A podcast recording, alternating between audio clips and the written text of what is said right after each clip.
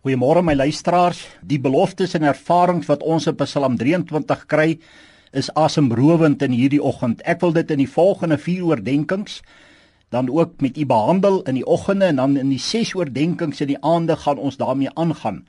Mag dit u so lief maak vir God se woord en mag u die goud vind wat daarin opgeteken is. Ek bid dat ons elkeen die beloftes en ervarings deel van ons lewe sal maak soos Dawid dit gedoen het. Nou in Psalm 23 sien ons beloftes en ervarings wat Dawid se lewe verander het, wat vir hom sin in die lewe gegee het. Nou Dawid praat in vers 1a van die Here is my herder. Nou vriende, dis 'n belofte of ervaring van geloof. Luisteraar, geloof in wat of in wie? Dawid verklaar dit in die herder, ja in die Here, soos hy dit beskryf op Psalm 23.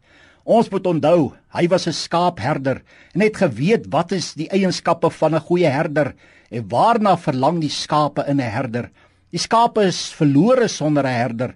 Dawid weet, sonder die herder is hy niks. Sonder die herder is dit onveilig. Hy het die herder geken van aangesig tot aangesig. Hy het hom ontmoet. Nou ek vra jou in hierdie oggend, ken jy Psalm 23? Of my luisteraar, ken jy vir Jesus Christus die herder? Van aangesig tot aangesig. In wie of in wat is jou geloof vanmôre? Dit help nie ek weet net van Jesus Christus nie. Nee. Geloof beteken my volle vertroue in hom en my hart behoort aan hom soos Dawid gewys het in Psalm 23. Wat verklaar die woord oor geloof?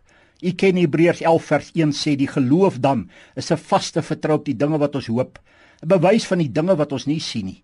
Hebreërs 11 vers 6 sê en sonder geloof is dit onmoontlik om God te behaag, want hy wat tot God gaan, moet glo dat hy is en 'n belonaar is van die wat hom soek.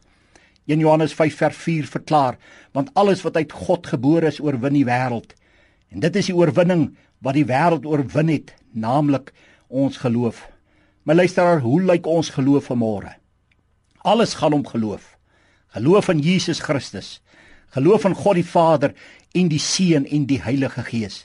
Geloof in hom as herder, as voorsiener, as geneesheer, as bewaarder, as verlosser, ja, as saligmaker, as die versoener. Geloof in ons God alleen.